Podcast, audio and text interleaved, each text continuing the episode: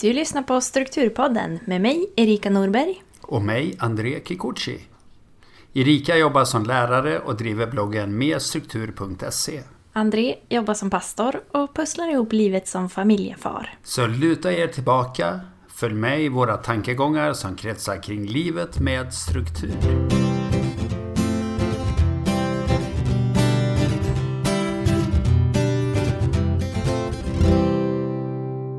I dagens avsnitt intervjuar vi Ulrika Lysell som är känd som garderobscoachen på Instagram. Hon föreläser, coachar och brinner för hållbar klädkonsumtion. Välkommen Ulrika! Tack! Det här är ju ett ämne som berör alla mm. människor. Alla har vi ju kläder på oss. Precis, förhoppningsvis. Så har man inte det då eh, har man nog andra utmaningar. Men det är ju något sånt där nästan lite dåligt samvete-område skulle jag kunna tänka mig. Men vi kanske kommer dit så mm. småningom. Mm. Ja, men eh, vill du säga något mer Ulrika om eh, vem du är?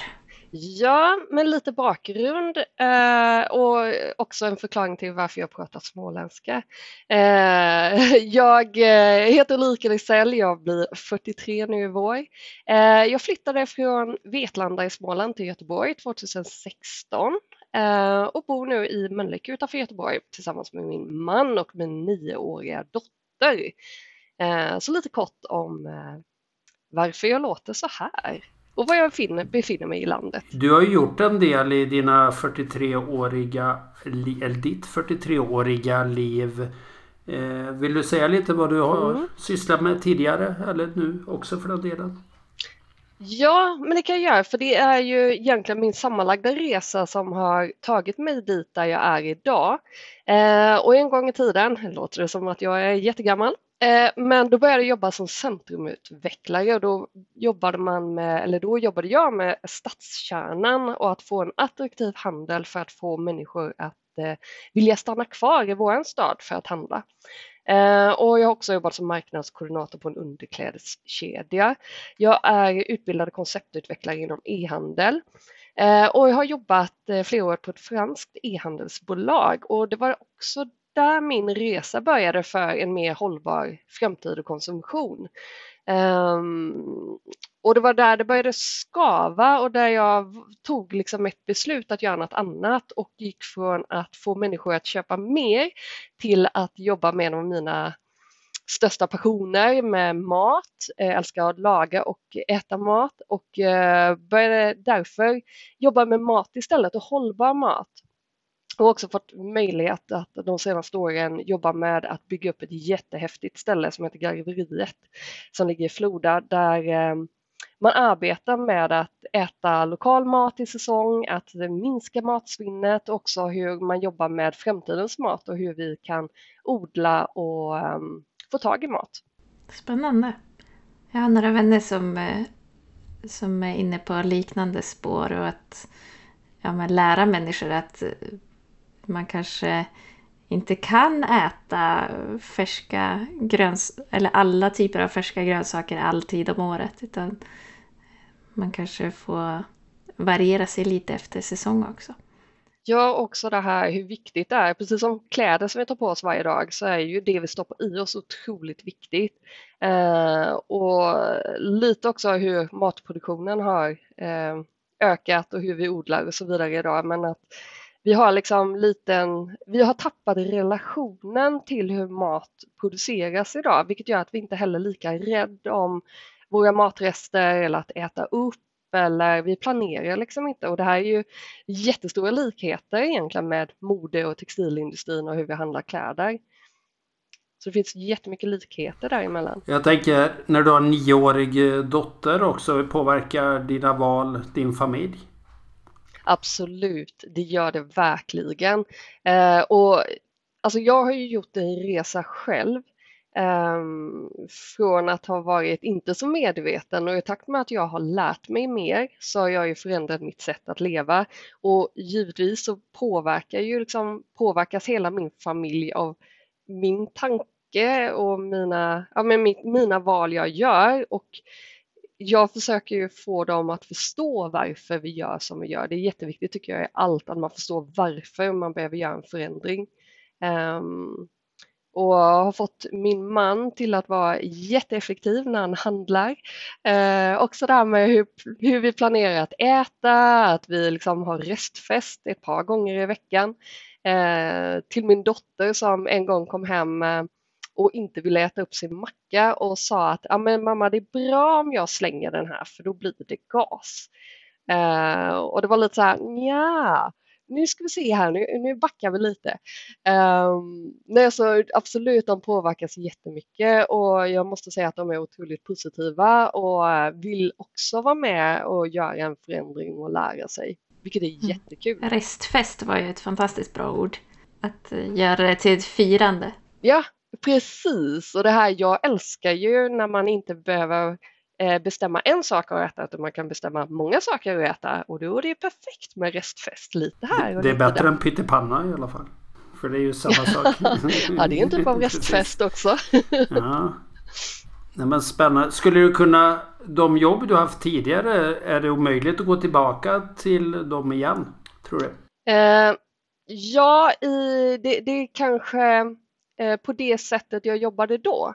Eh, ja, bra fråga, för jag tror att skulle jag gå tillbaka och jobba med e-handel, då skulle jag vilja bara jobba med liksom sättet vi behöver konsumera på hållbart framöver. Alltså från att ha gått att sälja sex par jeans till en kund, hur kan vi sälja ett par jeans sex gånger? Eh, och den stora omställning vi ser nu inom branschen med att man behöver äga sin andrahandsmarknad eh, att vi inte kan ta så mycket nyproducerat utan vi måste se till att kläder redan egentligen i, i fasen där de designas görs för att de ska få ett längre liv och kunna återanvändas i hela processen. Eh, så ja, jag hade gå, kunnat gå tillbaka men i så fall i en helt annan roll än vad jag tidigare haft. Spännande, vilken resa! Men nu då, när du är garderobscoach, vad gör man då? Ja, det kan man undra och ibland så, jag har faktiskt fått frågan och nej, jag hjälper inte människor att komma ut med sin sexuella läggning utan jag hjälper människor att se eh, vad de redan har i sin garderob eh, och hjälper dem att skapa en hållbar garderob eller ett hållbart innehåll i sin garderob som är både klimat smart och stilmässigt hållbart också. Eh, så det jag gör eh, det är att jag kommer hem till kunden och tillsammans så går vi igenom varenda plagg i garderoben.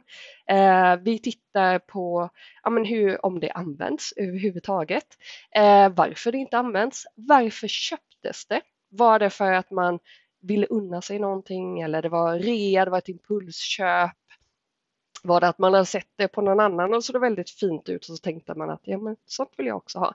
Eller som många fall där det här att ja men den är bra att ha på landet. Eh, så man har ingen liksom eh, tanke med sitt köp. Eh, och det blir väldigt tydligt när man går igenom den processen med kunden vilka missar man gör, vilka fallgropar eh, man gör i sitt sätt att konsumera. Sen tittar vi ju jättemycket på alltså garderoben och det innehållet du har stämmer det överens med det behovet du har av kläder? Eh, det är inte helt sällan man kommer hem till någon som har jättemycket klänningar och så vidare men de har aldrig eh, möjlighet att använda dem eller man har jättemycket partytoppar och så vidare fast man är aldrig ute. Liksom, det finns vissa saker som man triggas att köpa men det, det kanske inte passar det sättet man har att leva på. Eh, så tittar vi jättemycket på stil och passform. Och det här också, vilken stil vill du ha? Finns det någonting som hindrar dig från att ha den stilen? Och där är det också mycket det här med självkänsla, självförtroende. Eh, titta mycket på hur, vad har du som du kan framhäva? Allt för många tittar ju på vad de vill dölja eh, istället för att framhäva det som faktiskt är eh, väldigt vackert och väldigt bra hos den personen. Och sen så planerar vi och gör nya outfits. Vi försöker, eller jag försöker få kunderna att tänka nya kombinationer av det man har. För oftast är man väldigt låst vid hur man ska bära vissa plagg eller vilka kombinationer. Så där tittar vi också på att hitta liksom nya kombinationer av det de har. Och med väldigt få plagg så kan man ju få en väldigt stor garderob. Um, och man behöver ibland någon, alla kan ju rensa sina garderober uh, själva. Men ibland behöver man någon som hjälper till att ta besluten, att skapa strukturen för hur det ska göras. Uh, så lite som en PT liksom, som hjälper och coachar men det är kunden som kommer behöva göra det stora arbetet sen och förändra sitt sätt att bete eller förändra sitt uh, beteende egentligen. Vem, vem är kund? Eller hur ser kunden ut? Har du någon typ kund? Ja, ja men lite. Den är, eh, jag skulle väl vilja säga att medelåldern är ungefär 50. Eh, kvinna, jag har inte haft några manliga kunder hittills. Jag hoppas att det kommer, men min främsta målgrupp är kvinnor. Eh, och det har varit det har varit väldigt olika bland mina kunder. En del har kommit till mig för att det är, de är helt övermannade. Eh, liksom, garderoben är full av saker, de ser inte vad de har, de har liksom ingen struktur, de vet inte vilken stil de vill ha. Alltså det är lite kaos och de bara vill ha någon som kommer in och, och hjälper till att få en struktur. Eh, sen har vi de som vet exakt vilken stil de har. Eh, de har redan rensat ganska bra i sin garderob. Eh, men de behöver den där som sätter liksom stämpel på att ja, du tänker rätt. Ja, det är det här som du kan ha blått och svart ihop och, och så vidare. Um, och så har vi de som uh, ja, men bara behöver liksom lite eh, Alltså det här, de vill de köper kläder Eh, och tänker inte efter riktigt. De känner att det skaver men de kan liksom inte riktigt sätta fingret på vad det är som skaver. Eh, och då är det ju oftast att man har någon sån här liksom, klimattanke eller liksom man känner att ah, jag borde bättra mig. Eh, och där har jag kommit in också och då pratar vi ju mycket om beteendet, om varför du köper det. Eh, och också att ge dem en bakgrund till vad faktiskt textilindustrin bidrar med i eh, klimatpåverkan. Så det är väldigt högt och brett faktiskt. Kan man ta sig från eh, att... Eh, jag tänker att det är väldigt lätt att fastna i att eh, ja, men jag kanske vill ha den här stilen men jag faller tillbaka till att, att ta mina gamla vanliga kombinationer. Så här, även om jag skulle kanske vilja vara sådär. Jag köper grejer som är till det här som jag skulle vilja vara. Men mm. jag vågar inte riktigt gå Jajamensan. dit. Det är ju så lätt och det är också lite det här som jag refererar till när man går till en PT. Man vill göra en förändring, man är liksom igång. Eh, man börjar träna en gång i veckan och sen så tappar man det. Eh, och det är ju det som eh, Alltså det är ju det som är det stora jobbet då kunden behöver göra själv och jag brukar prata om att det krävs mod att skapa en eh, hållbar garderob och en hållbar förändring. Och modet att våga och faktiskt inse att man vill göra en förändring. Men M som är medvetenhet, att du måste vara medveten om ditt sätt att konsumera. Du måste vara kanske medveten om hur du fungerar och det här att det är väldigt lätt att ta den trygga vägen. Eh, medvetenhet också liksom i din kroppsform och typ och så vidare. Eh, och O som i organisera. För det är en så viktig bit att du ser det du har i din garderob, att du har en struktur, att du kanske inte har jättemånga plagg som hänger över varandra för då ser du dem inte, att du har undergrupper. Jag märkte ju själv när jag började alltså, organisera min garderob och jag insåg att jag hade 15 vita linnen. Eh, det är ingen som behöver 15 vita linnen. Eh, och jag hade ju dem liggandes på flera olika ställen, jag hade liksom ingen översikt. Eh, och när jag väl började vika och organisera i min garderob så fick jag en helt annan översikt och det också att jag såg då vad jag hade och kunde planera på ett helt annat sätt. Um, så organisera är jätte, jätteviktigt i den här och det i mod står för dedikation. Det är att du har bestämt dig och att du fortsätter den vägen. Och det är ett jobb, det tar tid att förändra en vana eh, och man måste jobba med det hela tiden och ibland så faller man tillbaka men då gäller det att rycka upp sig igen och komma ihåg varför man vill göra förändringen. Så mod!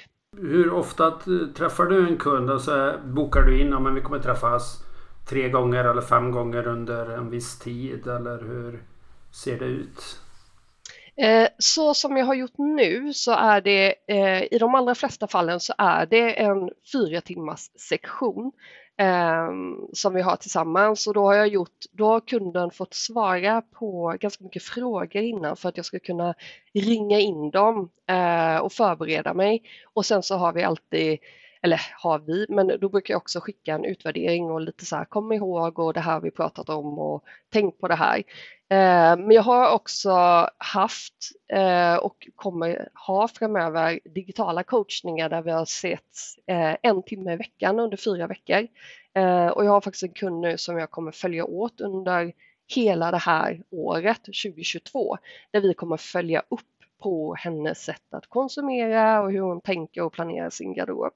Så det är lite, det är också det här att det blir ju väldigt intimt. Eh, någon, att de släpper in mig i sitt hem. Och det blir också väldigt, väldigt personligt. Eh, och det är också någonting jag lärt mig från, jag jobbade tre och ett halvt år på en underklädskedja Eh, och även om min huvudsakliga uppgift inte var ute i provrummet hos kunderna utan jag jobbade som marknadskoordinator så lärde jag mig väldigt mycket om ja, dels passform och så vidare. Men det här med att hur människor, när de blottar sig fysiskt så blottar de ju sig också eh, psykiskt och sina tankar och så vidare. Det kommer ut så otroligt mycket och det är en väldigt, väldigt viktig del av det jag gör. Eh, och när man kommer hem till någon, de bjuder hem mig i sitt hem, de visar sin garderob och så vidare, så är det väldigt eh, stort för kunden. Eh, så jag beundrar och jag, eh, alltså jag tycker det är jättemodigt av mina kunder att våga ta steget. Ehm, och eh, hoppas att det kommer vara mer kunder som jag kommer följa åt under en längre tid framöver. Jag tänker att det tar lång tid det här med resa eller beteende som Erika också är inne på.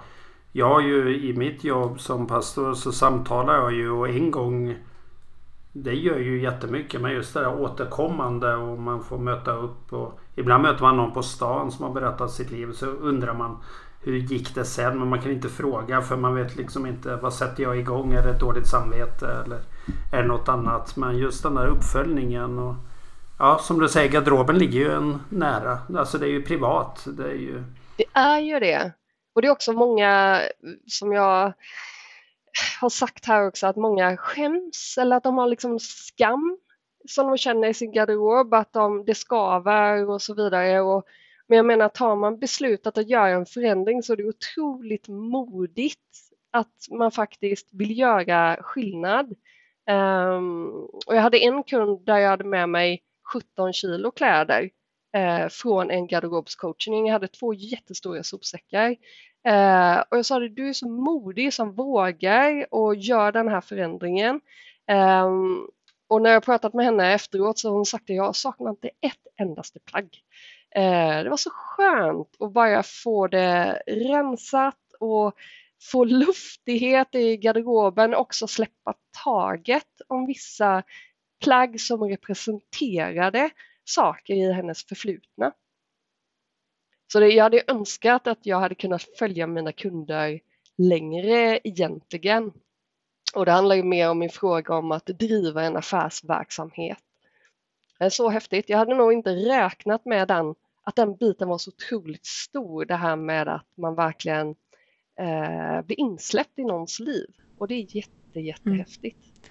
Jag tror att väldigt många blir väldigt tacksamma också. Att eh, att de gör det och att de får hjälp med en sån sak. Så man tänker att ja, det här kan jag väl fixa själv. Men, men det är svårt att göra det själv. Och det, eh, det är förmodligen lättare att ta, ta de här lite mer vågade stegen om, om man har fått, som du sa, någon som har sagt att det är okej okay att göra så här. Att, att det inte bara är ens egen tanke bakom. Vad gjorde du med de där 17 kilo kläderna? Det är också intressant i nästa steg. Precis, för det är ju jätteviktigt och det är också liksom en del av hela grejen att vi måste, att människor sitter på så otroligt mycket kläder i sina garderober som behöver ut och cirkulera och få ett andra liv. Eh, alltså vi köper nästan 14 kilo kläder eh, per person eller kläder och textilier per person och år varav vi slänger hälften direkt i soporna. Eh, och eh, när man har gjort plockanalyser på det här, de här kläderna man faktiskt slänger så är det nästan 60 procent helt funktionella, hela rena och så vidare. Eh, och det är så otroligt viktigt att vi nu börjar verkligen förstå innebörden av att eh, låta kläder cirkulera och få ett andra liv för att inte ta förnybara eh, resurser. Eh, och det är också men, att få människor att tänka skänk, eh, byt, eh, sälj. Eh, och det är jättehäftigt att se hur branschen ställer om. Dels modeindustrin och så vidare. Jag menar, det var redan förra året på Stockholms modevecka som man pratade och hade hållbarhet som fokus. Och man ser, man ser ju också modeföretagen nu jobba jätteintensivt med hur ska de förhålla sig till den här frågan. Eh, det dyker upp väldigt mycket second hand-butiker och eh, eh, kommissionsbutiker. Och vi ser ju liksom att hela andrahandsmarknaden börjar förändras. Det är inte bara ja, med galna loppisar eller liksom där det, allting hänger brokigt och det, det, många har ju väldigt, väldigt mycket för, förutfattade meningar om loppis. Men det här är framtidens sätt att handla kläder. Eh, och det vi ser nu då med eh, kommissionsbutiker, kommissionsbutiker är ju de där du kan sälja dina kläder eller, klä, eller butiken förmedlar dina kläder egentligen. Du lämnar in dem och då bedömer de hur troligt det är att du kan sälja dem och de bedömer skick och så vidare. Eh, och så förmedlar de kläderna så tar de oftast mellan 40 och 50 procent och så får du 40-50 procent eh, av de här. Och det är också då ett sätt att faktiskt kunna eh, få ett värde av dina kläder också. Eh, men också de här butikerna är ju, har ju stenkoll och de är jätteduktiga på att exponera sina kläder eh, och skapa butiker som är jättetrevliga att gå in i och där man oftast får väldigt, väldigt bra service också. Mm. Så det kommer hända jättemycket förändringar inom branschen Mm. Och det här som du var inne på i början om att skapa kläder som håller för fler användare mm. hoppas jag verkligen att man kommer att se mer av. Jag som en ettåring, där finns ja. det ju klädmärken som marknadsför sig som det. Att det här ska hålla för minst ja. tre barn eller någonting. Eh, och jag skulle mm. vilja att, att det var så med vuxenkläder också.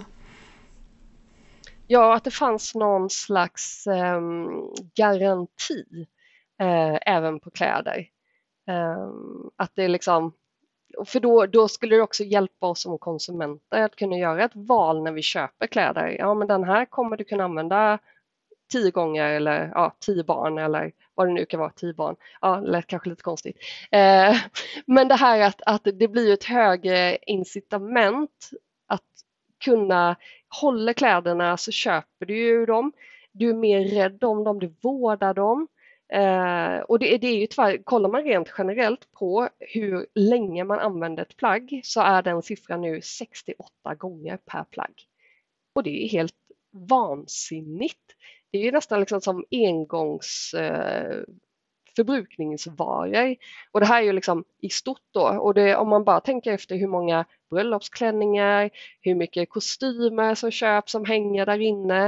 Eh, den där klänningen man köpte för det där bröllopet och sen så använder man den inte igen. Och sen så om man ser till alla kläder som produceras. För det här 68 gånger, det är ju bara de kläderna som faktiskt säljs. Men om man tittar på alla kläder som produceras så är det en enorm mängd som inte ens kommer till konsumenten. De fastnar på vägen. Eh, och de, ja men du vet, det är ingen som vill köpa dem, det är fel storlek och så vidare. Eh, och det här måste vi komma till rätta med. Produceras det kläder som inte kommer ut på marknaden också? Eh, hur tänker du då? Jag tänker om jag köper frukt så är det ju väldigt liten del jag får välja på i frukt. Det mesta kommer ju inte ens ut från lagret eller inte ens till lagret utan det produceras och slängs innan det ens kommer ut. Är det likadant med kläder?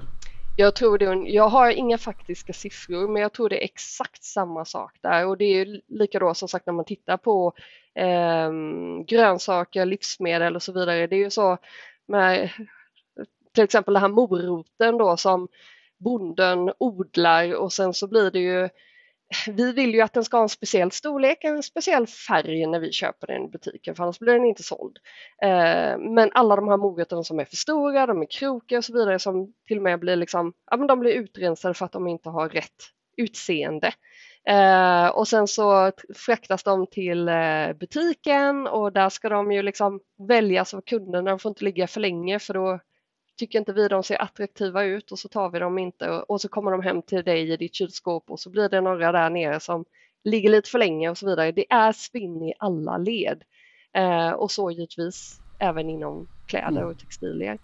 Vi har en liten hemlös eh, eller en dagligt härberge här i stan och nu häromveckan startar de ett eh, A Wall of Charity där du hänger upp din jacka. Det är utomhus under tak fast ändå öppet för alla. Så du går dit, hänger upp en jacka och tar en ny. Det är ju en bra exempel. Ja. Och den är alltid full med jackor kan man säga. Mer än full. ja. Och jag tror, men det här är ju så vi kommer behöva Alltså delningsekonomin och det här med att dela saker, alltså det är väldigt osvenskt och vi är ju inte riktigt gemene man kanske där, men det här med att dela bil, dela, alltså det kan ju vara gräsklippare, skruvdragare, allt det här som är så enormt mycket prylar och saker som vi alltså använder så liten procent av deras livslängd som vi hade kunnat tjäna så otroligt mycket på, alltså klimatet hade kunnat tjäna så otroligt mycket på och vi som människor också på att bara dela det med varandra. Men vi har ju vi ska äga allting och det, är liksom, det ska vara bekvämlighet och omedelbar tillfredsställelse att jag vill ha det nu. Ja, då måste det finnas där nu och så, det ser man ju också när det gäller e-handel och så vidare att det ska vara leverans nästa dag. Eh, när jag var liten så var ju en av höjdpunkterna när jag växte upp ute på landet vi hade ett par mil till närmsta butik och så vidare. Höjdpunkten för mig var ju när jag fick klädkatalogerna. Och då kunde man sitta och bläddra och planera och vika kanter och så vidare. Eh, och när du väl beställde någonting, ja men då var det vissa saker som dröjde flera månader innan det kom. Eh, och då fick man ju också tid att tänka efter och så vidare. Och idag kan vi ligga i sängen och se någonting vi vill ha. Vi fixar finansiering, avbetalning och så klickar vi hem det bara. Och det gör ju också att vi hinner inte tänka efter. Om behöver jag verkligen det här? Eller vill behöver jag det? Så vi måste sakta ner. Ja, man hinner varken tänka på om man kommer använda det eller om man egentligen har råd med det. Ja, och det här också ha en plan för hur man ska använda det. Uh, för det är ju det jag säger när det gäller när du skaffar nya kläder. Och jag säger skaffa nya kläder för det spelar ingen roll om det är second hand eller om det är nyproducerat eller så. Att man ska ha en plan för det och jag har själv som regel när jag skaffar ett plagg att passar det inte in i fem olika outfits eller sammanhang, då köper jag det inte. Uh, utan det ska, jag ska redan se hur jag kan kombinera det på fem olika sätt. Är kläderna för billiga idag? Ja, absolut. Vi betalar inte en bråkdel av det verkliga priset.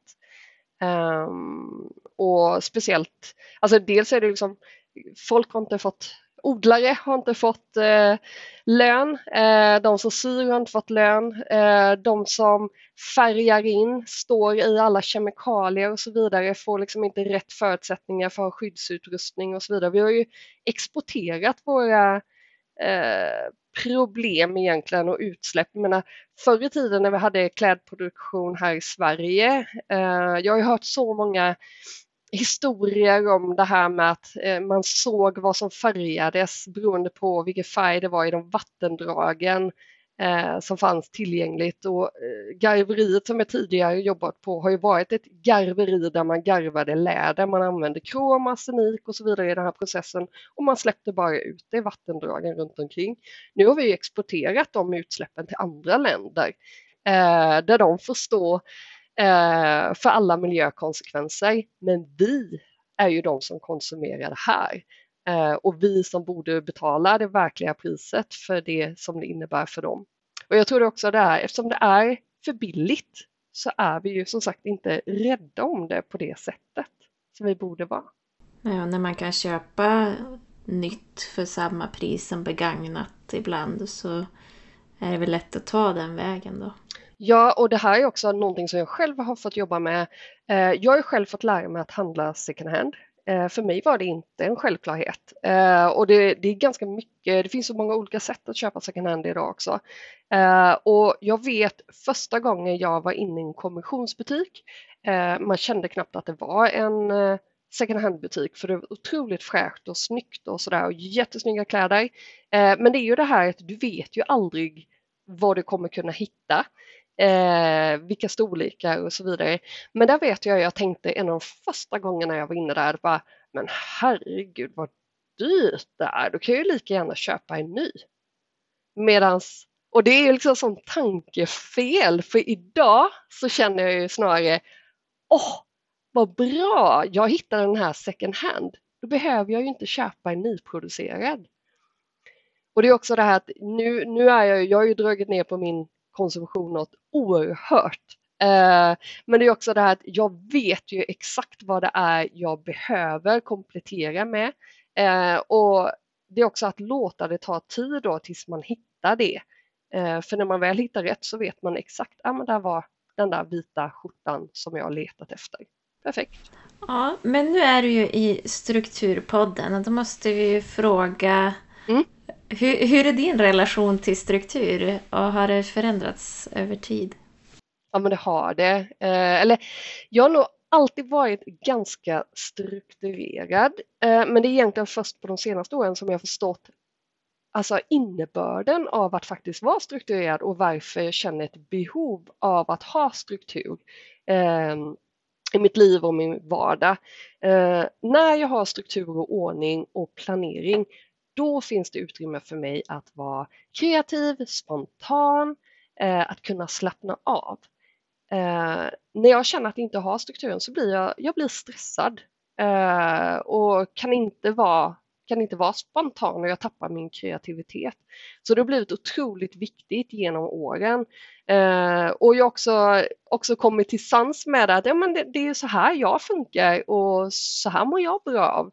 Eh, och är jättetacksam över att min familj också är med på banan. Eh, en del kan ju tycka att det är jättekonstigt när vi har redan semestern helt planerad i mellandagarna. Eh, då vet vi exakt vad vi ska ta, vilken roadtrip. Vi brukar alltid fira sommaren i Sverige eh, och resa runt och träffa bekanta och hyra stugor och så vidare. Men då, då har vi det bokat i mellandagarna eh, för då finns det utrymme att under de ställena vi är att vara kreativ, kreativa och så vidare. Och det skapar en enormt lugn hos mig. Var du och din man, har ni varit lika eller har ni blivit mer lika i det allt efter åren har gått?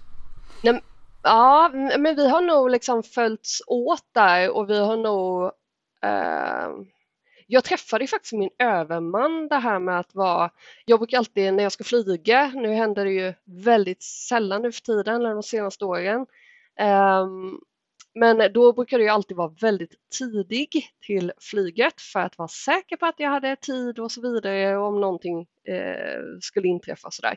Men där har jag träffat min överman. Om jag är tidig då är han extremt tidig. Eh, så så vi, vi har olika saker men han är ganska strukturerad och organiserad. Um, och även om jag är väldigt strukturerad och organiserad så vill jag ibland att saker ska gå väldigt fort. Eh, och där är han otroligt duktig på att eh, hjälpa mig att inte ha för fort. Så vi har nog liksom eh, hittat varandra under åren, influerats av varandra och är ett eh, grymt team tillsammans.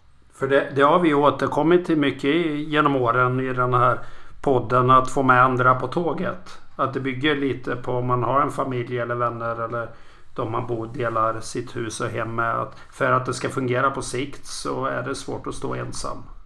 Ja, och där, det är ju jätteviktigt. Och det, det, det är också ett tips det här med att göra det synligt. För ibland så har man strukturen i sitt egna huvud. Eh, man är dålig på att kommunicera den till de andra i sitt hushåll. Eh, och där är vi ju det är också så här människor kan bli eh, förfärade, inte förfärade, men de blir eh, ja, vad ska man säga, när de kommer hem till oss, vi har ju saker tydligt uppmärkt.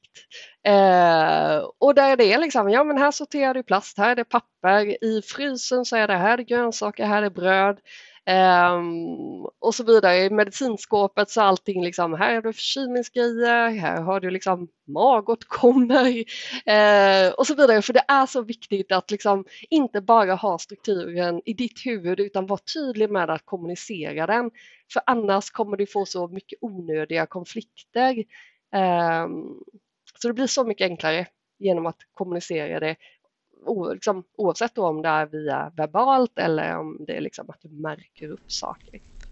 Mycket klokt och lättare att hitta saker och lättare att ställa undan och lättare att vara vänner.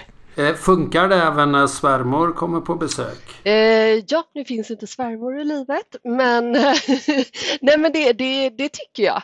Eh, vi har ju till exempel vårt hus till eh, uthyrning eh, via Airbnb och eh, då underlättar det ju också. Eh, och det är också det att vi är väldigt tydligt strukturerade då inför en uthyrning. För då är det också det är ganska mycket förberedelser du ska göra och där har vi checklistor eh, och liksom ja, de här backarna ska fram, här ska alla toalettsakerna i, de ska ställas där, vilket gör att det går otroligt smidigt och det är väldigt lätt för våra hyresgäster att hitta. Eh, mm. Så det, men jag tror det funkar bra för alla inblandade, både de som kommer på besök och även eh, vi själva. Men när man ska sammanfatta lite eh, en del av allt som vi har pratat om i alla fall. Men kan du ge några så tre bästa tips för struktur på garderoben om vi fokuserar mest där? Mm. Eh, ja, det, oh, det är så mycket jag skulle vilja säga, men om man tar några korta, det är ju det här att ha ordning och reda. Det du inte ser, det finns inte. Eh, att få det översiktligt och där inspireras gärna av KonMari eh, som är en fantastisk metod för att eh, vika och eh, egentligen vika kläder men det är också gå igenom hela ditt hem. Men just när det gäller att få struktur i din garderob så handlar det mycket om att vika och hur du visar kläderna och få en översikt. Eh, och sen är det också det här att rensa och låta det ta tid också, att inte vara för hård mot sig själv. Eh, och, och vara tydlig i det här med att de här ska skänkas, de här ska säljas och så vidare och direkt se till att göra någonting åt det, för annars är risken att det blir höga som hamnar i garderoben igen. Eh, och sen också det här, ha en plan. Eh, varför gör du det här? Eh, vad ska det leda till? Eh, och det här också, alltså speglar min garderob mina behov? Har jag den stilen jag skulle vilja ha eller hur vill jag förändra den? Um, och då är det liksom, du måste ha en målsättning för att komma dit du vill nå och sen låta det ta tid uh, och göra det i steg och vara var snäll mot dig själv. Se dig själv lyckas. Mm. Jag hörde någon säga att man behöver gå igenom alla områden i huset tre gånger innan man är på eh, på, är som färdig eller på den nivå ja. man vill. Jag tror väl att det definitivt kan gälla garderoben också. Att uh, man rensar en gång och, och så blir det den... fler och fler. Ja, det här måste man göra så många gånger och det är ju så bara för att jag kommer ut fyra timmar. Det är ju ingen quick fix det här utan det är någonting du måste göra hela tiden. Själv rensar jag hela tiden och tar nya beslut.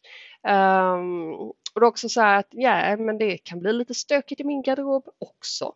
Eh, och då får man liksom bara, äh, nu kör vi ett röj eh, och så förändrar vi. Och det är också där, jag uppmanar ju alla till att ha säsongsgarderob. Att man, det vill säga ha en separat sommargarderob och en vintergarderob. Sen kan man ha lite plagg där som är i mellansäsongerna. Men att när det är sommar då har du dina sommarkläder, dina tjocka stickade tröjor som du inte använder eller ja, det som är absolut vinterkläder, att du packar ner det och packar undan det för att du ska ha plats att se det som du har i säsong. Um, och det är lika spännande varenda gång man plockar upp sin nästa säsongsgarderob för då har man helt plötsligt glömt bort att den här hade jag ju. Ja just det ja. Ehm, så det uppmanar jag alla till att ha en säsongsgarderob. Och kanske ska man säga att man inte blir klar eh, någonstans. Att det är en pågående process. Eh, för tänker man jag ska bara göra det här så är jag klar sen. Då faller man ju tillbaka i ett gammalt beteende ganska snabbt. Eller de flesta gör det, kanske inte alla. Men... Ja, och det, det är många som lever med en illusion av att det här när man pratar hållbar garderob, en del tar det som att man måste bygga en kapselgarderob där man har de här plaggen som är det enda jag får ha. Eh, och så, så ska man liksom bara vara det man jobbar efter och ofta ska man då köpa den här kapselgarderoben. Eh, och man ska köpa fina dyra plagg och sen så är det den investeringen man gör. Eh, men det är väldigt få det funkar för. Eh, och som sagt utgå från det du redan har. Eh, och sen så i planen framåt då, ja men är det ett plagg du vet att du använder, återkommer till år efter år efter år, fundera då på, ja men nästa gång jag behöver uppdatera det här plagget, vad är det för kriterier som är viktiga då, liksom att det ska hålla, om det ska ha något speciellt märke och så vidare. Så man behöver inte köpa sig en hållbar garderob, den skapar du av det du har. I varje program har vi ju eh, något som brukar kallas för bra, bättre, bäst. Och eh, den här frågan har du ju fått i förväg här. Men bra är nuläget och bättre första steget och bäst är drömläget. Och vad tänker du kring bra, bättre, bäst? Ja, men alltså, jag hade kunnat tänka så mycket inom så många områden. Eh, någonting som jag känner, ja men det här är, det här är viktigt just nu, eh, det är det här med, eh, också för att vara en hållbar människa och en hållbar vardag, det är det här med att motionera eh, och så vidare. Jag tycker det är otroligt viktigt. För mig är det väldigt viktigt för mitt välbefinnande. Jag är bra på att röra mig i vardagen. Jag behöver, jag behöver bli bättre på att även lägga till lite styrketräning. Eh, jag är kvinna över 40, då blir det ännu mer viktigare. Eh, och bättre eller bäst kommer ju vara, tänker jag, när jag kommit dit. Att jag känner att jag liksom inte klarar mig utan träningen eller att jag längtar efter att träna. Eh, för mig är det så otroligt viktigt det här med att få in rörelse. Eh, jag märker att har jag missat min morgonpromenad, då blir jag seg under dagen och så vidare. Så det, det är jätteviktigt för mig att må bra och det är också en del av min struktur. Ja, det är väldigt bra. Jag känner också att det där styrketräning är det jag har svårast att få till. Men eh, det skulle vara bra. Och det är, man behöver ju inte göra det svårt tänker jag. Det handlar om att liksom ta en break från om man har suttit länge framför datorn, göra 20 armhävningar. That's it. Det behöver inte vara mer än så att vara snäll mot sig själv och börja med små steg. Eh, jag och min man älskar att kolla på film eh, och då sitter vi då blir det i soffan. Men då kan jag lika gärna ha ett par enkilos hantlar i armarna och bara ja, men köra några repetitioner. Att det behöver inte vara allt eller inget utan lite är bättre än mm. ingenting. Mm. Ja, det är klokt. Då kan det ju bli av. Jag och min fru vi utnyttjar reklampauserna. Om man uh, tittar, streamar något och det är reklam så har man plötsligt 167 sekunder. Man har aldrig fattat hur, hur mycket man hinner göra på det. Men uh, ett uh, styrketräningspass på 167 sekunder, det är ju, man är ju slut sen. Liksom. Jajamensan. Så det finns många olika sätt i det där bra, bättre, bäst. Men återkomma till och hela tiden att man inte blir klar utan bara upprepa det man, dit man vill. Sen brukar vi också fråga varje gäst om de har någon prova på som lyssnarna kan testa närmsta veckan. Eh, ja, prova på. Ja, men det är väl det här börja reflektera och fundera. Ehm, och det här, ta, låter saker och ting ta tid men gör en förändring. Och det krävs övning för att förändra en, en, eh, ett beteende. Ehm, så gå tillbaka till det här, det krävs mod, medvetenhet, organisering och att du är dedikerad. Så prova på det här. Att ta, använd dig av mod i eh, vad du än ska göra egentligen. Eh, var modig. Och eh, om eh, lyssnarna vill få mer eh, tips från dig. Du har ju till exempel hur man kan få till fem olika outfits av samma plagg. Lägger du upp ibland. Eh, men eh, var kan man hitta mer av dig? Ja, men det finns, jag försöker blanda lite olika inspiration på Instagram, men jag har även min hemsida garderobscoachen.se. Eh, där står lite korta tips eh, och sånt du kan göra själv.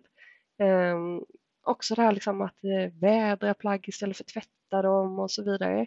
Så där kan man absolut gå in och läsa mer. Eh, och framförallt Instagram där det är nya förändringar hela tiden. Så garderobscoachen.se och garderobscoachen på Instagram. Jajamensan. Vi har pratat om massa saker här. Det går inte riktigt summera. Ibland summerar vi ju våra gäster men jag tror inte att vi kan eh, göra det helt enkelt och det, det är väl bra. Ja, eh, men är no det är lite typiskt mig. Ja, men är det något vi liksom, du vill skicka med slutligen? När vi börjar runda av här som vi inte har pratat om eller som vi behöver stryka under? Ja, men lite det här att varje förändring, alltså varenda liten förändring är ändå en förändring. Um, och att allting räknas. Och jag ser ju, eftersom jag själv har gjort en resa från att ha köpt otroligt mycket kläder, eh, haft en garderob full av saker med prislapparna kvar på, Eh, aldrig ens funderat på att handla second hand och så vidare. Och kan jag, då kan vem som helst förändra sitt beteende och bli mer klimatsmart och stilsmart. Ehm, så det vill jag skicka med att det är aldrig för sent att göra en förändring och att det är okej att misslyckas, att göra missar och så vidare och every day is a school day. Ja, så om vi ska säga någonting av allt det här. Men, men prova på då att våga prova på. Låt det ta tid men gör någon slags förändring ändå. Ja. Och ni som har lyssnat, om ni har några frågor, kommentarer, något annat ni vill att vi ska ta upp eller så, så skicka till hej strukturpodden.se eller använd kontaktformuläret på strukturpodden.se. Eller gå in i vår Facebookgrupp Strukturpodden där vi har lite trevliga samtal då och då. Och jag skulle också vilja skicka med det här om en be om hjälp. Vi återkommer till det i många programmen. Även när det gäller det privata som till exempel din garderob.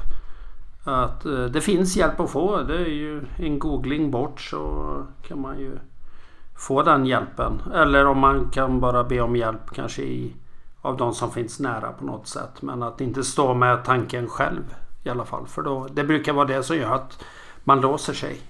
Det blir, det blir inte av. Precis. Ja, man behöver inte känna sig dålig att ja, men jag skulle ju kunna göra det här själv. Ja, men hur ska du komma igång utan den där hjälpen? Och det kanske finns något värde som den här personen har att komma med som, som du inte skulle komma till på egen hand. Precis, och en god vän kommer man väldigt långt med. Ja, har vi något mer att tillägga? Jag kan ju prata hur länge som helst om hur mycket som helst. Mm. ja, jag, jag tänkte på en grej men det blir lite snett att ta in där nu Samuel som redigerar detta. Nu, det här kanske vi inte ska ha med alls. Men det var ju på nyheterna häromdagen någon som eh, hade full statistik på hur mycket han hade gett för kläderna och hur mycket han använde det. Jajamensan. Eh, han, han, han hade en annan ekonomi än vad jag har på kläder men det var väldigt spännande att ändå se hur det kommer upp på nationell media på ett sätt som inte har gjorts innan. Och det är så vanligt. Och det roliga är, alltså nu är jag lite sådär fördomsfull, men det finns jättemånga olika appar för det här och det är många som använder sig av det här. Men han hade gjort ett eget snyggt system och jag tror också lite att han var kille gjorde att han fick eh, väldigt skjuts liksom i den här frågan. Men det är ju så otroligt eh, bra att få det överskådligt för vi har en övertro i hur mycket vi använder saker. Eh, som han verkligen visade väldigt konkret. Eh, hur många gånger har jag faktiskt använt dem? Inte vad jag tror, för vi har en otrolig övertro till hur mycket vi har använt saker och ting. Också det att se kostnad per användning eller ja, pris per användning. Eh, för vi, där ser man ju också så stor skillnad det här med om någonting faktiskt har en kvalitet som håller eh, kontra mot att det inte gör det. Um, att det är dyrt att köpa billigt ibland. Så det är eh, jättebra att föra statistik för att få det eh, översiktligt och få liksom som en bekräftelse. Sen, eh, det är en investering i tid att göra men för en del som jag tror många gillar har det sättet att se, att fungera och att få en bekräftelse för sig själv och då är det ju jättebra att göra. Sen kan man ju tänka då att ja, men det här plagget var så dyrt, jag kan inte göra mig av med det. Men, men man får ju se det som en lärdom framåt. Ja, precis. Det är väl det jag känner med att rensa, att, att jag blir smartare med nästa inköp. Ja. Jag har eh, många friluftskläder som jag har ja, men införskaffat genom åren och så åker jag på samma läger varje år som är eller gjort det under tio års tid i tre veckor. Och det är så roligt att titta på bilder för att jag vet ju knappt vilket år det är för jag har alltid samma kläder på mig. Men det är ju väldigt smidigt att kunna ha det. Men det är nästan för bildernas skull jag skulle ta andra kläder. Och då är man ju inne på någonting, alltså andras bild av en. För mig spelar det ingen roll att jag har samma kläder men på de där 3000 bilderna vi tar då att jag alltid ja. har samma kläder. Det, och det är också det här spännande hur man identifierar sig med sättet man klär sig och vem det är som är mottagare och vad man själv liksom har för relation till det. Då. För jag menar, kläder kan ju vara ett sätt att ha, visa en, en, eh, ett intresse, en status.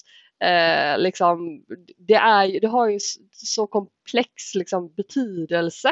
Men också som du säger det här, men vem, jag bryr mig inte, men på något sätt så blir det ju andras spegling som blir det som man bryr sig av. Men det är fantastiskt just med friluftskläder som är gjorda för att hålla länge. Eh, och det här att man, ja, vilket år var det? Man kanske har liksom mer eller mindre hår eller mer eller mindre mustasch eller ja, det, det är lite det då som är, eh, för mig så handlar det om vilken vikt jag har. Där kan jag följa liksom åren snarare, jag är en obotlig viktpendlare. Um, ja, det, det är ja, spännande. Ja, men nu tror jag att vi måste sätta punkt här. Men eh, vi får kanske ta tillbaka dig fler gånger. Vi har ju mycket att prata om. Ni är hjärtligt välkomna. Och det, jag tycker ju det här med mat och vad vi stoppar i oss och liksom livsmedelsindustrin och också det här lite att vi har en övertro på att allting som säljs är safe. Eh, så är det ju inte riktigt. Vi har alla ett eget ansvar eh, och så vidare. Jag menar, det är också där man läser på en chipspåse, nu står det att ja, men det här är 24 portioner men det är inte någon som delar upp den här på 24 portioner.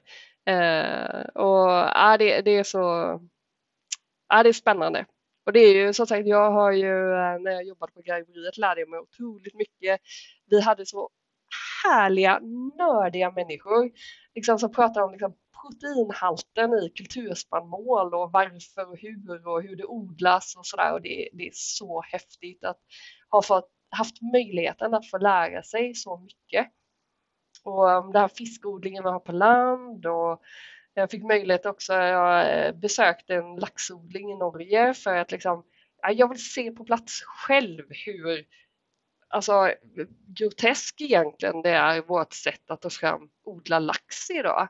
Eh, och det har blivit sån liksom vardagsmat för de allra flesta och de har ingen aning om vad det är de stoppar i sig eller hur otrolig miljöpåverkan det här kommer få mm. eh, på sikt. Så ni lyssnare, ni kan ju skicka frågor på garderobstemat eller hållbar mat-temat så kan vi ta tillbaks Ulrika och prata om det.